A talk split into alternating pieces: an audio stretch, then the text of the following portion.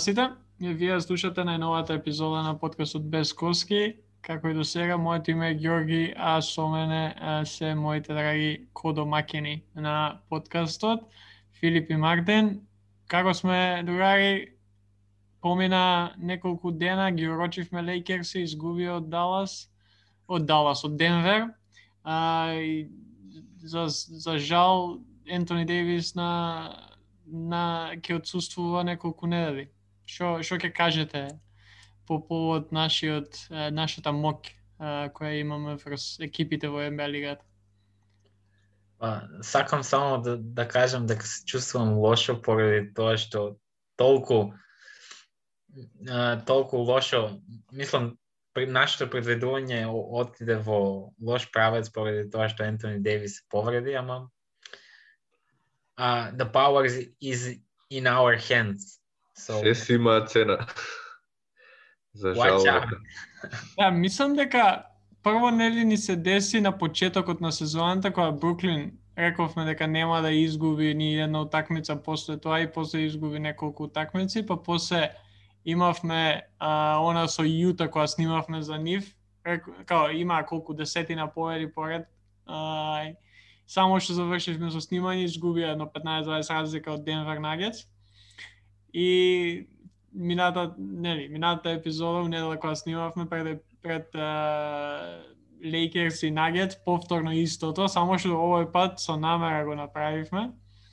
Uh, онака интересно, мислам, секако не, не губат или победуваат заради нас, ама интересно е да, да имаме нешто што може еве, ние да влијаеме у лигата, кој теме? А, па види, повеќе пати се има случајно со Бруклин, со знам со Далас се има случајно, со Торонто, со Јута, со Лейкерс, јас мислам дека ова е повеќе од случајност. Ќе видиме, ќе видиме како ќе ќе издржиме. Ја, ја искрено се надам дека вака ќе продолжиме и у плейоф ова ќе ќе не ќе не држи. Ај плюс и Канзас Сити го, го рочивме и, и, и, и многу други, други работи, така да... Да, окей, ама ајде. А, епиз, епизода нема да имаме драфт, ама затоа ќе имаме неколку теми на кои што сакавме да поразговараме, некои а, од темите кои што се доста релевантни и може многу да се зборува. А, прво, што ќе кажете за Андре Робертсон? Еве, Филип, тебе прво ќе те прашам, а, као голем фан на Оклахома. Што мислиш за за подпишувањето на Робертсон во во Нетс? Па немам некое баш мислење. Не знам, нели две сезони беше повреден а, Андре Робертсон и рол плеер баш добра одбрана играше во Оклахома пред повредата и после повредата, така што еве, му ја дига одбраната на Бруклин колку толку.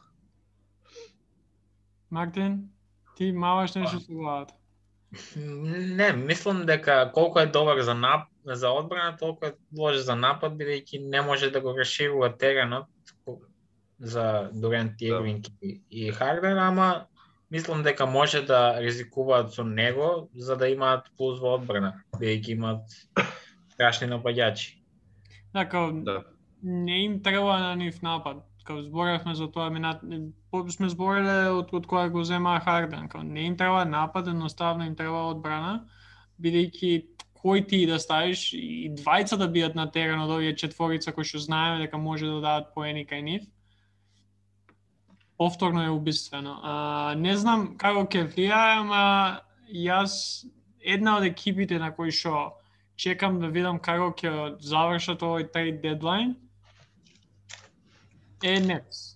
Бидејќи сега моментално ако ме прашаш кој мислам дека ќе освои титула, Нетс ми се први.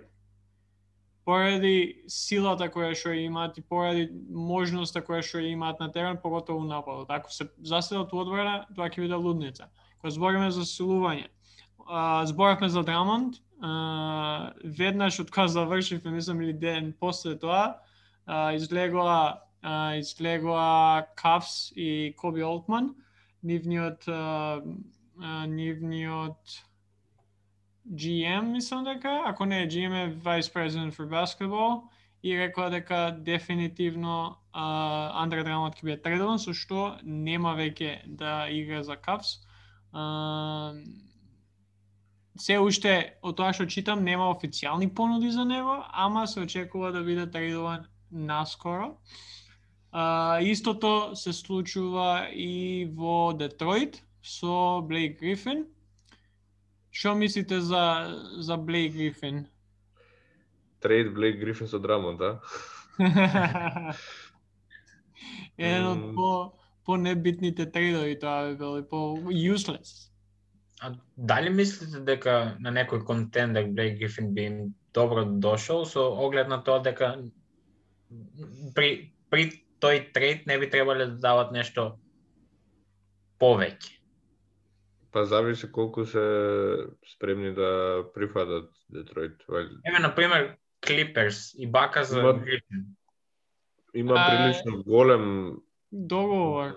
договор, така што не, и Бака не би го трейдал. Не, мислам у тој... У тој Да, да, да, те разбирам, ама не знам, после сите тие повреди едноставно како неговата форма и играчот што некојаш беше не е тука повеќе. И мислам дека тоа ми е поентата дека Грифин не може да оди во некој контендер. Не знам, Да. не знам што може он да извлече од тоа. Мислам, секако ќе биде во екипа слична на Детройт. Еве, може би нема да биде на дното на истокот, ама ќе биде близу до него.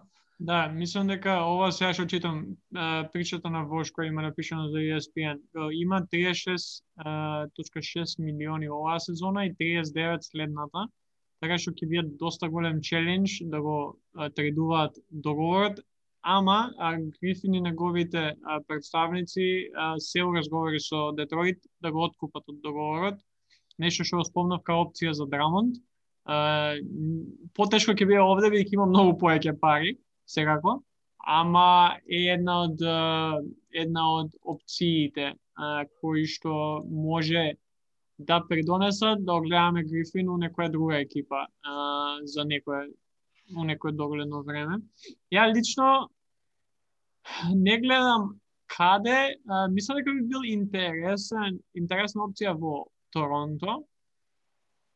Ако прифати да не биде прва или втора опција кај што Торонто ќе мора да да да донесат уште еден, макар уште еден играч, кој што ќе биде онака Клей, а, тоест Клей, а, Кавај Ленард, а Блейк Грифин ќе ти биде солидна подобра верзија од она што правеше Гасол или Ибак. Па види, за Торонто, јас мислам дека би требало да се согласи да влегува од клупа, бидејќи некако сличен мислам, иста позиција играат со Сијакам, а Сијакам е подобар играч од него и не можеш Блек Грифин да го ставиш на петка да игра. И мислам дека би требало да се согласи за од клупа да влегува во Торонто. Ја гледав некои highlights, highlights пред некој ден од Грифин и едноставно баш забележав еден коментар, беше мислам онака слободен а, и само ја положи топката и беше this is not the Blake Griffin I know. Така тажно, онака и мислам дека и со сите тие повреди пробува да се пази некако и не знам, Видов дека од не, некој податок од пред една година нема забиено во лигата на ниједна утакмица до сега. Од Да, валјда и, нормално да ја смени нели играта пошто како и Дерик Роуз прилично експлозивно, а, нападно онака м, атрактивно и не знам, едноставно неговото тело валјда повеќе не може да да го трпи тој напор. А, не не дека имам а, многу 31 година има, не не е толку стар играч. Гледаме, мислам, еве, на пример, Ерик Полеброн, дека до да. 36-та може да биде онака супер звезда во прайм. Сепак од играш до играш различно. И Дерик Роуз е 32 години. Тука не гледа. Да. Да, прав, повредите го прават своето. Да, интересно е колку повреди. Кога, кога збориме за повреди, го спомнав ово на почетокот со а, Ентони Дейвис, ќе отсуствува барем две-три недели, а, може и поеќе ќе биде реевалуиран за две, две до три недели од Лейкерси. А, сега читам Дианджело Расел исто, ќе отсуствува 4 до 6 недели, а, поради нешто неговото лево колено. А, Минесота зборевме, сме збореле за тоа колку немаат среќа оваа сезона. А, згора на тоа, нели, и не се толку добра екипа уште кога почна сезоната. А, инаку, не знам дали видовте, се очекува да има All-Star утакмица и да има а, некој од овие, дали тројки шутирање, дали забивање, ама како што читам, најверојатно ќе биде у ист ден или у ист као за време на утакмицата, за време на, на полувремето, вале планираат да има дали забивање, дали тројки, не не, не свати по што сакаат да направат, ама ќе биде онака доста лимитирана верзија од од сето тоа. А, имаме уште некоја новост или да преминеме на темата која што Мартин ни има спремена за денеска прва? Јас само би додал еве ова за Антони Девис дека за Антони Девис а, исто како што беше случајов со Нели Дурант, имаше слична повреда не не, не, не ни знае дека на крај може да биде толку ахиловата во случајов на Деви се знае јас да сум е, тренер и знаеш на Лейкерс не би го форсирал толку многу. Еве ги гледам дека и Лейкерс бараат некоја замена за за Девис, ама Е, не знам. Се разбира дека како играч се би дал од себе, ама ако тоа значи дека е скини ахиловата и дека нема никогаш да биде ист кој што беше, тогаш не би ризикувал ја. Дали мислиме дека Грифин може да, да им се уклопи во Како free agent, па би можело да. Мислам, додека не се вра- врати Дейвис. Повеќе би играл на Драмонт, некој таков играч. Ама Драмонт исто и на трейд би одел така што Да, ќе мора да дадат нешто, тоа што гледам ќе мора да се даде нешто. А сега дали ќе дадат нешто, до душа не ни знам што би дале као Па Монтрес Херел би можело да биде вклучен во ова. Да, ама него го зема да игра поголема улога од тимот, знаеш?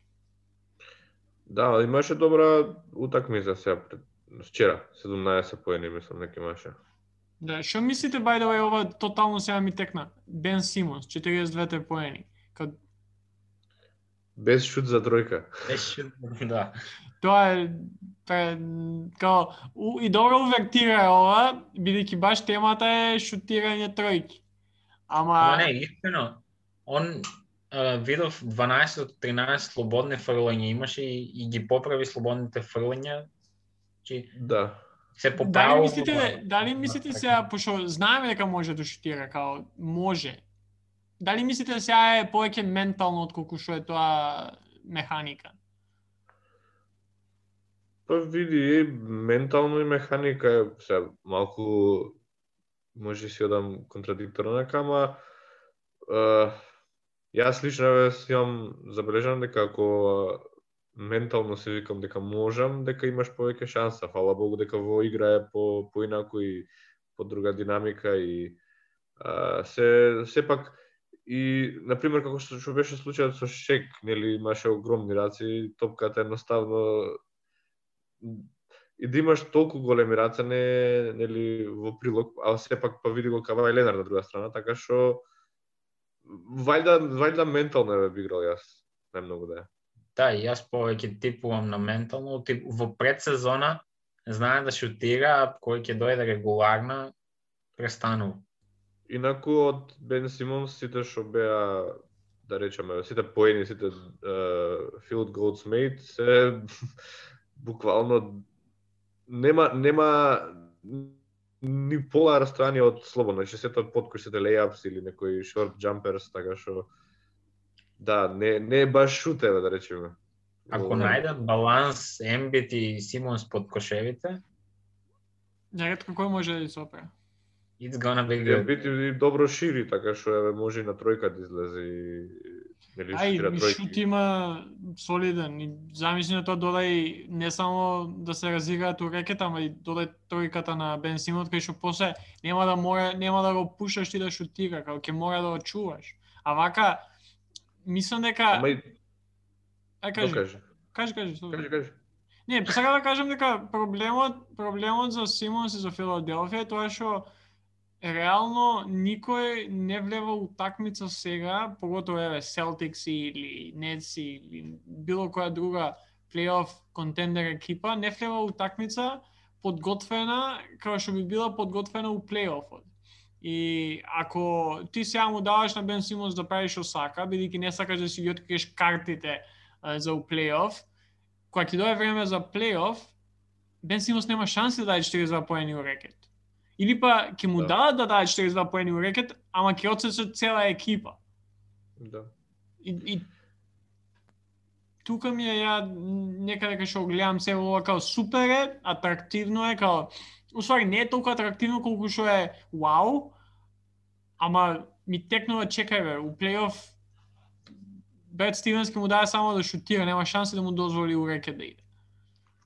Да, и самата не знам, е, на некои такмици против некои тима може и добро знаеш да функционира Симонс бидејќи нели и самата многу е висок и скоро секојаш еве би имал мисмеч да речеме подкош, така што и тоа е предност, ама како што рече ти чеке малку а во плейоф нема никогаш да успее. Да, тотално во право си. Wait, so one question. Does we trust the process? Па, не знам, мислам дека процесот сега е погрешен за Бен Симонс. Као, супер, знаеме ти што можеш да направиш. Ама ако си уплашен или ако мислиш да тоа дека ќе промашиш и ќе као you're gonna suck, what's the process there? Као боле ти искористи оваа сезона, шутирај колку можеш, тоест any chance you get кога си отворен, промашувај, ама не можеш ако не шутира као не знам, ако ако не вежбаш на тоа, ако не го искористуваш, као ако не го пробуваш, нема никогаш да доеш до тој до тој некој степен у, у плейоф која ќе дое да решиш утакмица или да или барем екипите да не ти даваат да шутираш. Сега вака ако продолжи да ја користи сезоната само за да ни покаже јас сум добар, као не заборавајте на мене, знам да дам 42 коша без тројка. Џабе е која у плейоф тешко може тоа да се реплицира. Да, да, јас се согласувам. Треба треба да има таа слобода, значи и општо сите а, треба да има слободата на сега, ако не сега кога? Ако не шутира сега, сигурно дека нема во плейоф да биде е, сега да покажам. Поготово, поготово сега кога се први у, у, у источна Да, конференција. има има тука некоја шанса нели да да шутира повеќе. Се на пример игра со со Хјустон, така што Хјустон се по нели најдобра дефанзива има ја. И мислам дека тука нема да има лесни поени од поле, така што малце шут треба да биде вклучен. Океј.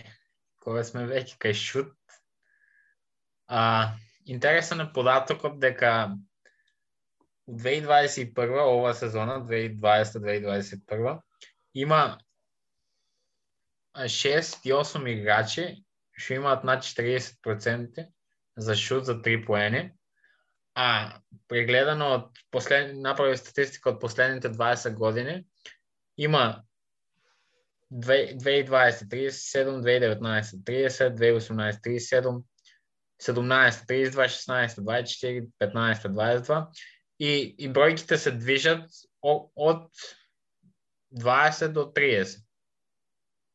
Освен 2004 и 2003 дека што има пад 14 и 16 играчи. Е сега, битен е податокот а, каде што оваа сезона се шутираат просечно сите екипи изберено, просечно 20 34,9 тројки, а, например, за разлика од лани не е толку голема разлика, 34,1, ама сепак оваа година се шутира најмногу тројки.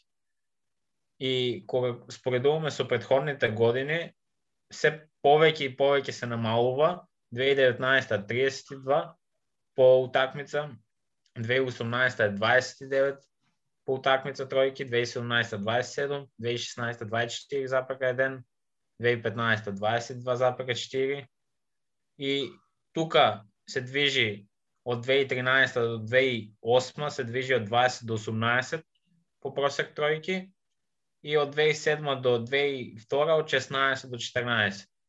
Што значи, за разлика од пред 20 години, има 20 па, мислам 20 тројки повеќе по утакмица. А има од 2002 24 за разлика од 2021 77 играчи, има 50 играчи по 68, има 44 играчи повеќе што шутираат над 40% за 3. А има 20 тројки по утакмица повеќе. Дали, мислам, моето прашање е дали тројката е нај-deadly weapon in NBA? Мислам Да, дека- три поголем од два. Да, да, да, да, да. Као, а, не знам, ова е веќе неколку години, ама се сеќавам пред неколку пред не знам точно која година, не знам кај го слушнав ова прво, ама оние као екипи кои што шутираат оние као long twos веќе не постојат. Од тие беа, знаеш која, не знам, Пол, Крис Пол, легенда е у тоа, као pick and roll, накај некаде далечина а, за, за слободно фрлање, ќе иде, ќе шутне да кош. Вакви кошеви повеќе не постојат. Или исто и со Демар Дерозан. да, да, да, Дерозен. Као, самото тоа што тројката го избриша овој а, доста, знаеш, доста а, а, кој зборот што барам сега, доста корисен дел што постоеше порано ти покажува колку само екипите се о- оке, ако некој може да даде од не знам, од пред линијата за три може и од тројка, не му даваме веќе да шутира двојки, пошто реално и да промашиш повеќе тројки со колку и да даеш повеќе од двојка. А, и, и тоа ми е интересно бидејќи до сега, знаеш, сите збориме, сите шутира тројки, сите шутира тројки, сите шутира тројки, уа, као да е нешто лошо. Као да, сметам дека е премногу шутирање на тројки е лошо, ама еве ова сега ти што кажа Мартин, поготово оваа сезона ти покажува дека да, сите шутираат тројки, ама сите погодуваат тројки. Тоа е клучниот дел моментално. Кај што ти имаш, не знам, Сет Кари, кој што не знам колку му е сега моментално а, процентот на шут, ама мислам дека му е над 50. А, сега баш ќе пробам. 47,3. Да, ама ама еден момент му беше 50,1 или 2. Као, тоа е прем голем шут за тројка. А он е 11 играч со нај најголем процент. Замисли, мислам Френк а, над Килина е со 55,6 иако има 4 утакмици играно. Да, да, да, он- пак шутира премногу. Тоа тоа ми е најјакото и на пример а, убаво што што кажа за минативе 20 години кај што ја имаш нели, а, се, рекордната сезона, као рекордот на, на процент за шут за три поени е Кайл Корвер у 2009-2010 која имаше 53-64.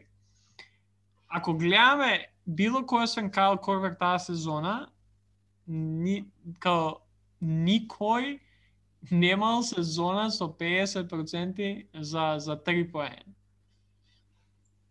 А ова. А сега ги има премногу. Не, споредено со било која сезона друга е премногу. Ова не е нормално. Ама е реалност. И не можеш веќе у МЛ лигата да да му оставиш некој кој што е еве, малце подобар од Бен Симонс, што шутира тројки, не можеш веќе да оставаш да шутира тројки. Па и, и ова, дали, дали мислите дека аналитиката во кошека, па и во секој спорт, го зема својот замов. И дали се повеќе се оди аналитички гледано, отколку, не знам, нека спонтано или свој стил на игра или Е, Филип, ако има нешто да каже, пошто ја имам после да се надоврзам но... Па да, во смисла гледаме и нели од од тренер до тренер, од екипа до екипа се менува самиот начин на кој што игра одреден играч, еве, на пример, нели сосема различно во еве Харден во Хјустон беше прв избор, сега тука во Бруклин е и втори, трети, прв, знаеш кога како. Така што еве сменета му играта, нели играта му беше степ бек едно друго, сега повеќе не знам, по искрено вака играта ми е подобра на Харден, по за гледање барем. И мислам дека и по ефикасно игра и по подобро, така што аналитички гледано, добро, не беше баш примеров за тоа, ама аналитички гледано, да, мислам дека е е битно да се гледа нешто што има најмногу полза, како како се одигрува сето тоа, ама сепак треба да има некој баланс бидејќи се знаеш доаѓа незадоволство од самиот играч ако ако не може да прави нешто сака. Да, мислам дека почетокот на ова Мартин и Филип вие што зборите сега за аналитика е некаде 2000 години, а, ама не е у, у кошаката, туку е у бейсболот. А, значи, ако стварно ве интересира онака почетоците на како аналитика и како а, ова некоја формула влег, влегува во американскиот спорт, Moneyball со Бред Пит и Джона Хил е предобар филм и да не знаете бейсбол ништо, идете гледајте го, пошто ви покажува како еден систем на кој што се базира единствено на аналитика го искористува екипата на Oakland Athletics и успева со ненормално мал буџет да направи големи нешта. Не успеваат да победат, нели не успеваат да освојат World Series, спойлер алерт, ама успеваат бидејќи у бейсболот нема salary cap, така што моментално еве ќе ви дам пример Бостон Ред Сокс или Лос Анджелес Доджерс, кои што се двете нај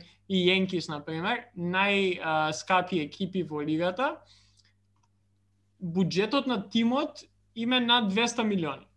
Погодете колку е буџетот на последниот тим, еве, Pirates, uh, Pittsburgh Pirates. 30 милиони. Може да замислиш 170 милиони разлика у тимски кај што еден играч на, на, на Dodgers има поголем а, а, поголема плата годишно од цел а, еве сега го подпиша, ќе зима не знам 30 и нешто 40 милиони долари на сезона, ќе зима повеќе а, повеќе пари отколку што три екипи за мислам три екипи посебно, нели? Ама тимскиот буџет не име повеќе од 40 милиони. И уваква една слична ситуација, Окланд Атлетикс ги зима, ја зима аналитиката, составува тим кој што се рамни со најбогати.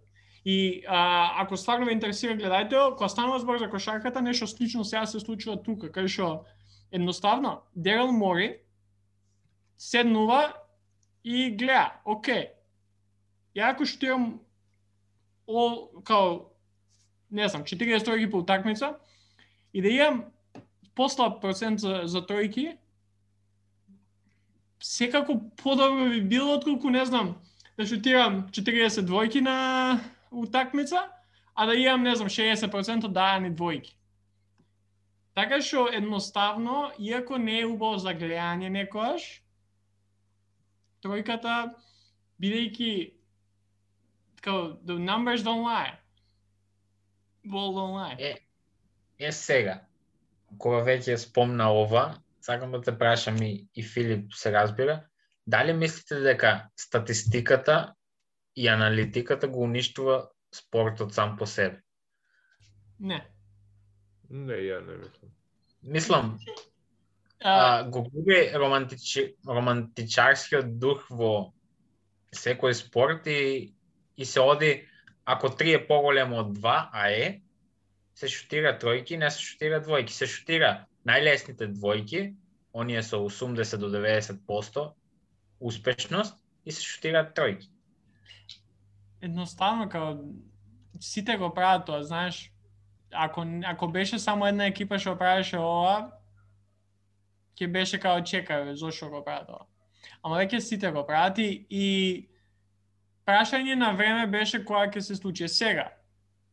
Не, не мислам дека го убива спортот, напротив го прави интересен кај што има поеќе поени, одбраната секако назадува, не е упреден план, ама тоа е, ако, ако, ако го прави поеќе популарен спортот, why not? Uh, иако ја би сакал да гледам, uh, не знам, uh, Чикаго, Чикаго и Детройт Пистонс од 90-те години, кај што се, you know, играат феноменална одбрана Bad Boys и на, на, на Майкл Джордан.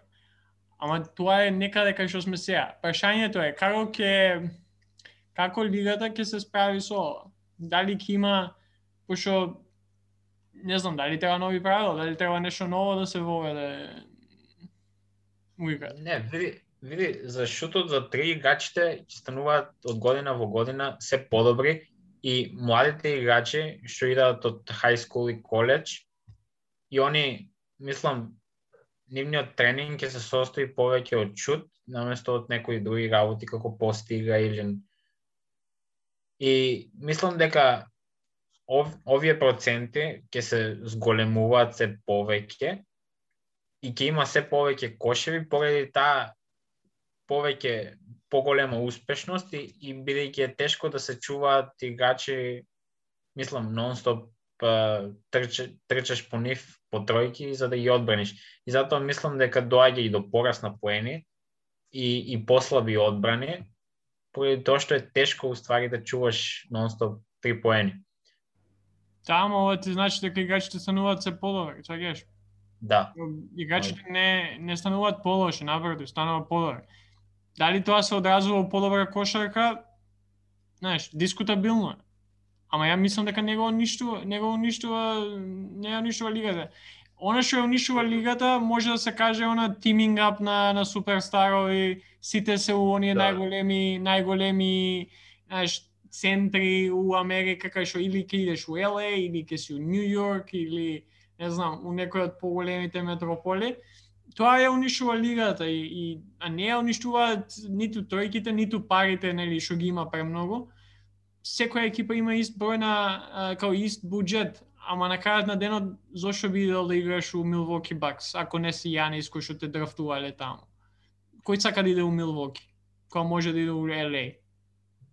би се надоврзал на тебе дека со тебе дека а, едноставно а, како да кажам некој некако бараме флос еве и во играта и во сега на пример не ни одговара дека толку тројки се шутирало па порано не одговарало дека не се шутирале толку тројки па не знам едноставно како да се изгуби таа како што каже и Мартин Тапасија што имаше љубов кон кошарката и Георги како што каже баш согласувам со тоа дека тиминг ап на суперстарови и некако опаѓа се тоа не е таа неизвестно што имало порано, еве да речеме од порано имало 10 екипи што речеме може да изненадат, може да победат, сега некако како се сведува на 3-4 еве. Иако се случуваат изненадувања и сега, ама некако да, по А и по потешко е да се направи изненадување на седум утакмици отколку на една. Да, да. Тоа е тоа. Мислам дека тоа е проблемот. И она, еве, Клейн турнирот го гледам као совршено, као нешто кое стварно му требаше да ја да ја направи малце поинтересна регуларната сезона. Барем на крајот од регуларната сезона. Сега да не биде само оке ние сме у плейоф, седмо место, никој не може да не стигне и готово. Сега може да ги одмараме, да одмараме Лилард и другите и Портланд флеа у плейоф сега. Сега веќе треба да играат. Вакви некои работи, дали ќе биде плейн турнир, дали ќе бие некој турнир на средина на сезоната, дали ќе бие нешто друго, дали ја мислам дека решение едно е помал број на утакмици Зошто веќе 82 утакмици? Премногу се. Еве, а, најдов статистика која што ова е од 16 февруари, сега може малце поразлична, ама Атланта Хокси имаат нај, најлош point differential у четвртата четвртина у цела NBA лига минус 8.4. Прелошо ова е го слушав а, нивниот, сега не ми те забоев како се вика, сега баш имам GM-от на Атланта, еве Марти може ако сакаш да видиш само како се вика, кој што беше и со Warriors а, предходно, а мислам дека беше и со Hit, а, таму некаде почна, кој што изјави дека една од причините зошто Атланта не може да заврши утакмица е малиот број на тренинзи. Као немаат тренинзи, а немаат веќе shoot arounds пред утакмици. Пошто, нели, што риск поради ковид, што што нема веќе време за тоа да го направиш, пошто играат секој втор ден. И кога веќе ти тоа го имаш, го знаеш дека реално освен тоа тие пари што можеш да ги земеш од навивачи кои што кидат секоја утакмица, нели, домашни навивачи 42 тука е проблемот зошто се уште имаме 41 зошто се уште имаме 82 утакмици, ама реално мислам дека сезона од 70 утакмици, од 65 утакмици, би била многу подобра од сезона од 82 утакмици. Поради шленг се вика. Е, шленг, да. Значи, он го изјави као немаме време за тренинзи. Као се сеќавам пред некој као уште ова времето на Спарси, као имаше еден податок кој што го имам читано секоја ќе ми остане впечатлен ќе ми остане у главата као имале период од 40 дена кога немале тренинг. Као, тука го гледам ја проблемот, а не у тројките. Да, да, и не знам, тоа е некако останато онака да речеме од од минатото и може ако еве да се продолжи сезонава некако, да не биде се тоа баш натрупано. И, и тоа не, не, го, не го решава, нели? Еве, например, ако се намали за третина, би било супер. Нели, пошто, еве, да, да споредиме со НФЛ, нели, во НФЛ нема толку многу такмици, сега не знам точно, не ме држите за збор колку има, еве. Имаш 17, не дали 16 утакмици. Да, и тоа е сосем окей, нели, различен спорт нормално, ама не знам, едноставно би, би еве, одиграл да, да се намали број на, на утакмици заради тоа што, како што кажуваат, нели, подобро е. Знам дека нели тие правилата по 4 пати со дивизија, треба еве на пример по 3 да се намали и со тоа тоа би решило еве колку толку. Да, и, и реално, окей, а, знаеш, проблемот нели би бил рекордите, па историјата, па не, да. нели тука го гледам... да се спојат некако две конференции, па нешто ново еве. Да, да, да, ама освен сакав само да кажам за ова за за рекордиве за историјата, да, ама дали мислиме дека ако продолжиме вака и еве Мартин што каже ако процентот за трики иде нагоре и нагоре секоја сезона, кошакари веќе даваат се поеќе и поеќе поени anyways. Да. Така што ти ако намалиш, ама и плюс, ретко кој е играч суперстар игра 82 утакмици секоја година. Као ретки се веќе тие играчи. Така што јас сум се поеќе и поеќе за тоа NBA лигата да испробува нови работи, меѓу кои што прва работа мислам дека треба да биде и намалување на самата сезона како ќе изгледа сето тоа, нели, не знаеме, бидејќи, кажа Филип, играат по некој редослед 4 со дивизија, по две мислам се со а, конференција и, или три конференција, или како и да е. Мислам дека е, ние као фанови, иако би било онака помалце утакмици, ама кога гледаш убаво, баш а, Кирил, мислам, од, од Скатен Корнер имаше твит за ова, као реално никој не гледа регуларна сезона моментално. Да. Тоа е проблемот. Кога гледаме хайлайтси од Сабајле, добро гледаме. Ја, ја и уште гледам, нели треба да се спремаме за подкаст, ама да не гледа, да не требаше да спремам подкастов, не би гледал утакмици реално. Ма гледаме хайлайтси, ако ако знаеме дека не знам, има некој јака утакмица ќе седнеш ќе ја гледаш, ако знаеш дека еве Леброн треба рекорд да помине или Кари игра против а, или Кейди игра против Warriors, ќе седнеш и ќе ја гледаш, пошто поинтересна ама кој би се Да. да. дали знаеме некој кој што седнал да гледа Кавси против Орландо Magic на пример. Некој фан на Кавс. Освен тие не се бројат. А, Или Проблемот- чекај, на Шарлот, Шарлот и и и која екипа нема фанови у Македонија? А, и Вашингтон Wizards. Еј, сега може да има некој... Добро, на Вашингтон знам фан, Ау, јас сега ќе кажам ако има некој фан да ни пише.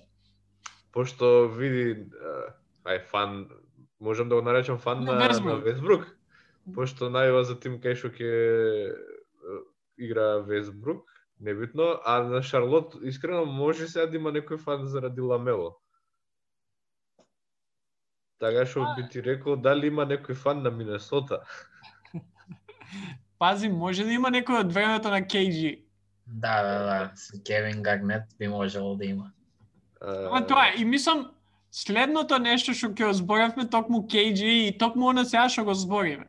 Као, е, играта... Друг проблем е само што уште само Кажи нели не можеме да контролираме тоа, ама утакмиците се касно и за наше тука поднебје се а не ботувач. Не, тоа секако, ама мислам дека у Америка е ова голем проблем. Као, Да. реално да не беше проблем, немаше и да го збориме. И, и се збори на секаде у лигата и, и сите го Да, да, да. и у Америка. А, второто нешто што ќе збориме е тотално поврзано со овие две работи, баш сега го спомнавме KG, Кевин Гарнет, излезе со изјава пред некој ден за New York Times, каде што вели, у кратки црти, дека играчите кои што играле пред 20 години, а, не може да играат денеска у лигата. Не би можеле да обстанат денеска у лигата. Што мислите за оваа тема? Па, види. А, секое време си бара свој свој тип на играчи и експлоатација на играчи има во секое време, на пример во денешно време експлоатација на играчи е битно да си атлетски јак и, и да, да имаш шут за три поени да играш добра одбрана, help defense и периметар одбрана. Тоа се првите три карактеристики што му се потребни на секој играч на секој буквално од кец до петка, за да просперира во лигата. Порано во пред 20 години, како што вика Кевин Гарнет,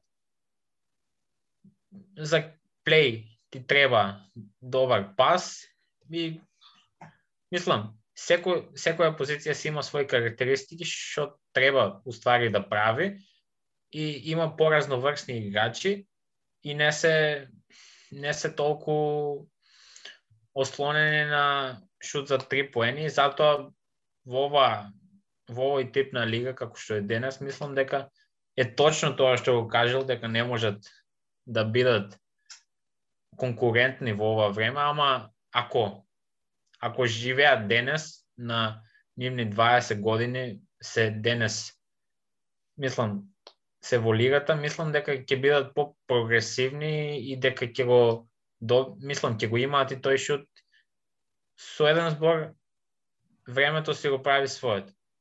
Мислам во секое време е различно, во секој период е различно. Исто е со со многу работи, неповрзани и поврзани со кошарка, каде што имаме примери за тоа.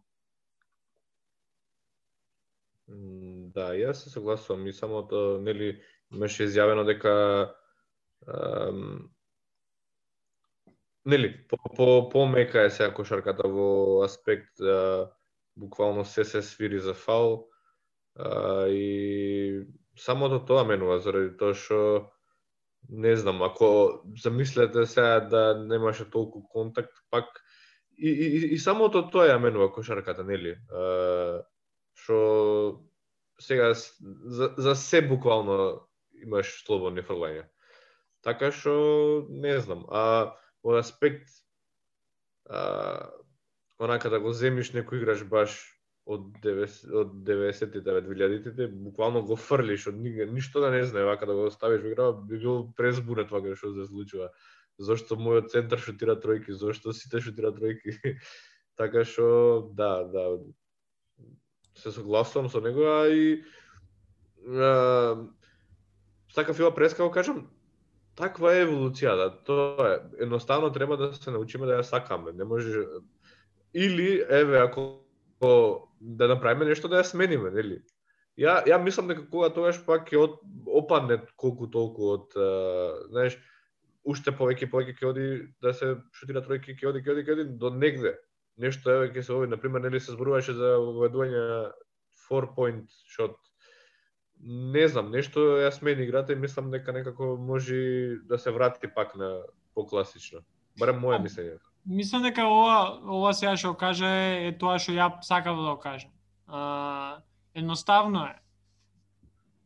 Прашањето моментално е дали е не знам кој играч не ми текнува сега некој од, од прва, ама ако имаме тип на е, плеймейкер, Џон Стоктон е. е, Џон Стоктон е пред 20 години, дали ќе може да се приспособи? Ако може, ќе може да игра. Ако не може да се приспособи, нема да може да игра. Тоа е тоа е целото прашање.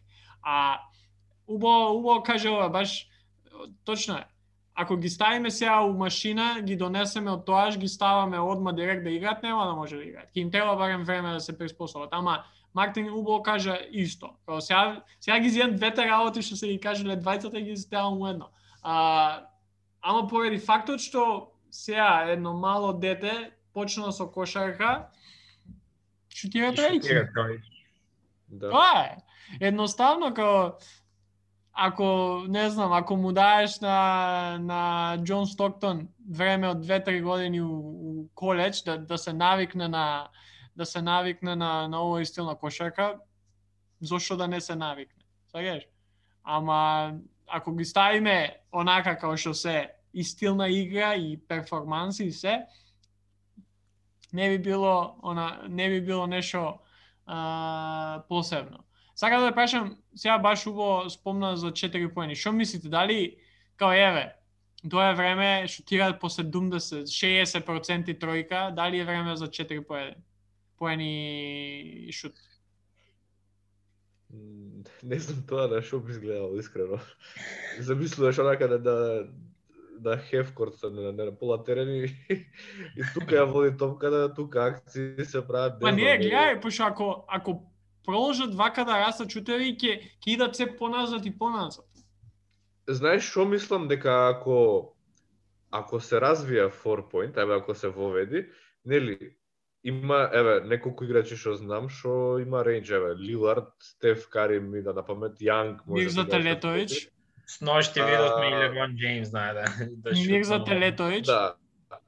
Да, ама сепак Лилард и, и Кари се не, не нормално добри од тој рейндж и едноставно мислам дека знаеш, пошто не можеш да ги оставиш нив да шутираат од било каде, ќе се бркат еве тука околу пола терен и мислам дека колку толку еве може да се врати нешто и, и да се ослободи нели се поголем а, простор за игра имаш околу рекет, околу тројка, така што можам да да го видам како би успевало. Се не не, не викам дека би било а маст тоа да да се оди на чет, на 4 point, ама би било интересно. Ја мислам дека еве како трајал период нека се стави одреден период да видиме како би изиграло на пример, не знам, на при на пресизон да видиме како како би изгледало сето тоа.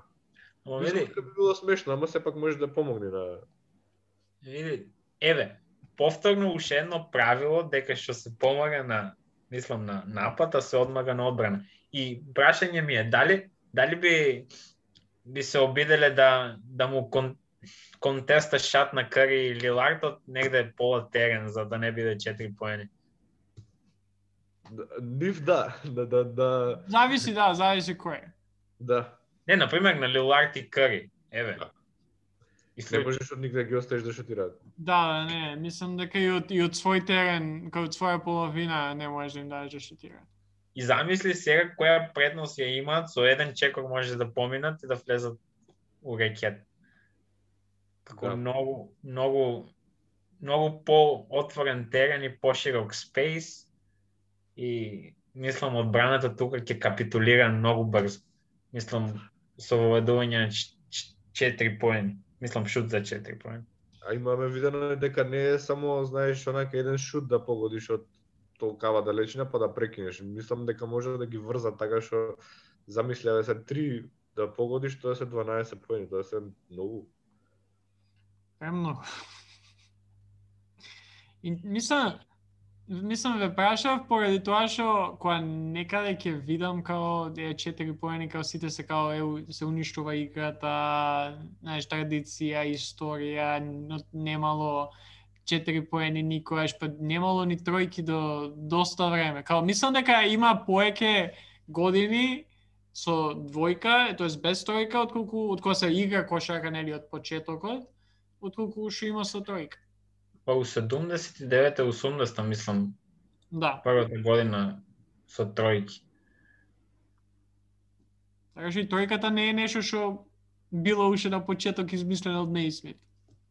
Или на, не. на почетокот на лигата. И Мислам дека ам, како да имало рейндж тогаш и нели мислам не биле толку еве се да, да, да споредам на пример кога видиме four point shot дека ќе биде тука еве Лилард и Стеф најмногу Ама сега е толку развиена тој шут од тројка, така што мислам дека многу побрзо би се користел тој шут од за 4 поени, нели? Аути, на сите ќе им тегне А4 по, поголемо од 3. Ќе шутираме Да. 4. Ама да, ама пак должината сепак не е толку лесно да се совува. Сакав ова да го споредам, се малку може глупа споредба ќе направам, ама во смисла имаш мало дете и сега а, како како би го занимавал? Еве ти си да речеме да баскетбол год. Како би го занимавал, значи да детево да му дадеш сега сите знаеме ова, значи да му дадеш на дете нешто да црта или да прави или да гледа на компјутер, на лаптоп нешто, на телефон, нормално дека полесно е за тебе да гледа во во лаптоп, нели? Нема толку да се занимаваш, така и со кошаркава, не знам, така ми еволира. се. Три е полесно, два, нели три поголемо два, така и, и мислам дека би размислували со со со четири поени ако ги ги воведеш, онака нели четири поголемо од три. Тоа е полесно, како би по, победил полесно ако дадам повеќе поени од четири. Ама не, и, и позицијата на која мора да се намести шутот за 4 поени мора да е во една половина, бидејќи ќе има half, а, мислам, backcourt violation, ако е позади, мислам дека мора да е во дел каде ш- мислам на 9-10 метри тука негде. Да. И има повеќе играчи што би можеле да погодат, мислам Трејан како развие повеќе, ш- мислам и кој уште може да шутира, па сигурно и Харден ќе се проба на такви далечини. Сите би се пробале, сите би развиле што тоа е вежба, мислам. Да, сега, сега инаку баш ме интересираше, кога збориме за ова, а, зошто уствари воведеле тројка. И quick Google search, а, Commissioner а, ABA, тоаш, кој уште кој не беа споени ABA со NBA, George Майкан, кој што го знаеме, нели, а, една од по подобрите, еден од подобрите играчи на почетоците од NBA лигата. А, има изјавено дека тројката им дава поголема шанса на на пониските играчи да да да дадат поени and oh, kao chance to score and open up the defense to make the game more enjoyable for the fans. Така што заради оние ниски играчи у лигата сега имаме тројка. А, шут за три поени. Та, Па добро, тоа е, мислам, логично, поради тоа што знаеме дека порано само центри успевале, мислам, само центри знаеме од тогаш од лигата, мислам, слушаме за нив. Е па ако збориме така, дали сега е време да им даваме на повисоките играчи нешто плюс? Па, Еден мислам, избол шот.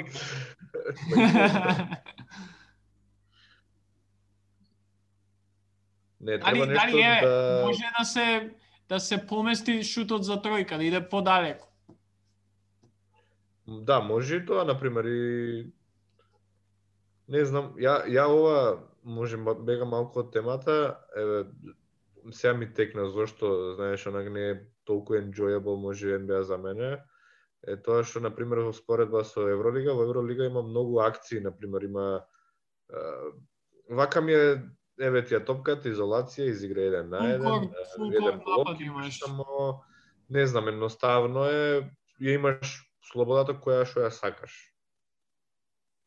Па нема, тоа е тоа е таа разлика од half court and full court offense. нели и во и во Евролига се се големи нели колку се шутира тројки, ама сепак си има дисциплина колку толку. Ако ти на тренер му шутираш како на пример Кари или Дейм, рече дојде вамо. Појде да се појде да седниш таму на клуба. Да. Нешто луѓе не знам, ја па Партизан ќе спомнам и Дуле Вујашич, ама а, Дуле Вујашич има славно, го има фатено за, гу, за, за, за врат Богдановиќ два пати.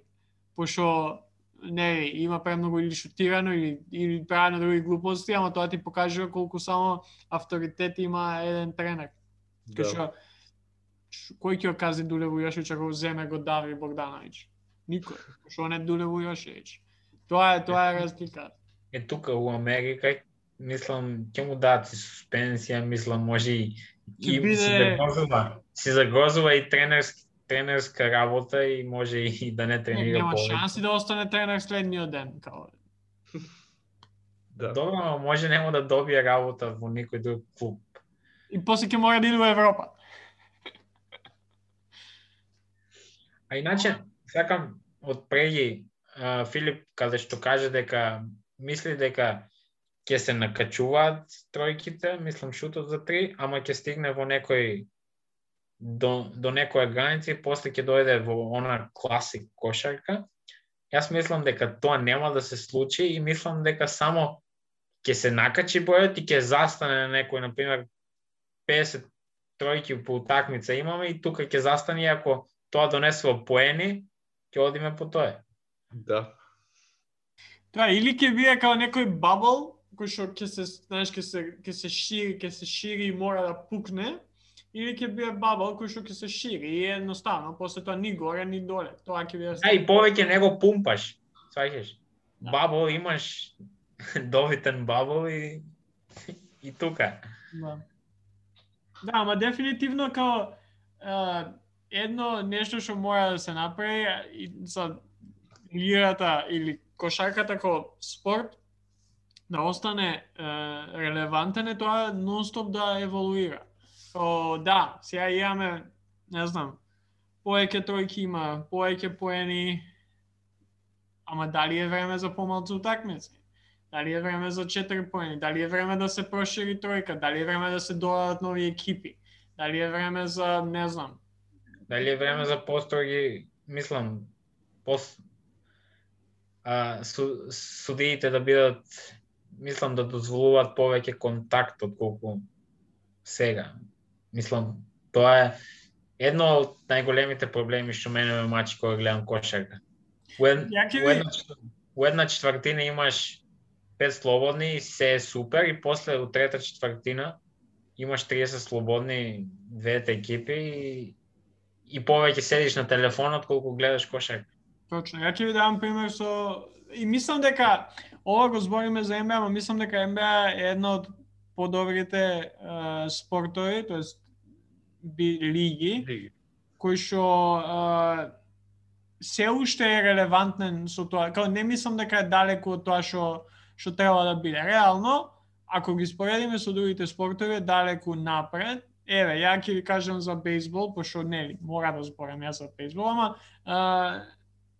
едно од најтешките работи у, у било кој спорт е да погодиш бейсбол топче кој што ти иде, не знам, 150-160 км на саат. Е, сега, ти замисли ако бейсболот која почнува почетоците на минатиот век, должината од кај што ти е фрлаш тоа топче и некој што треба да го удри, е иста како што е должината денеска. Тогаш до оние што фрлале, фрлале, не знам, по, по 120-130 км на сат. Сега фрлат за 20-30% 40% по побрзо. Кад мора нешто да, кад преголема е разликата какви били играчите таму тогаш и какви се сега. Ама правилата, димензиите се исти. Така што мислам дека NBA лигата функционира многу подобро во тој поглед. Нели? Тројката се воведе 79-та година, не нема многу као пред тоа нели 20-30 години си играло без тројка, сега може не знам ќе се воведе нешто друго, може ќе се додаде нешто друго, кое што ама не не на не е као окей, сме почнале така пред 100 години, така ќе играме и, и успедните 200.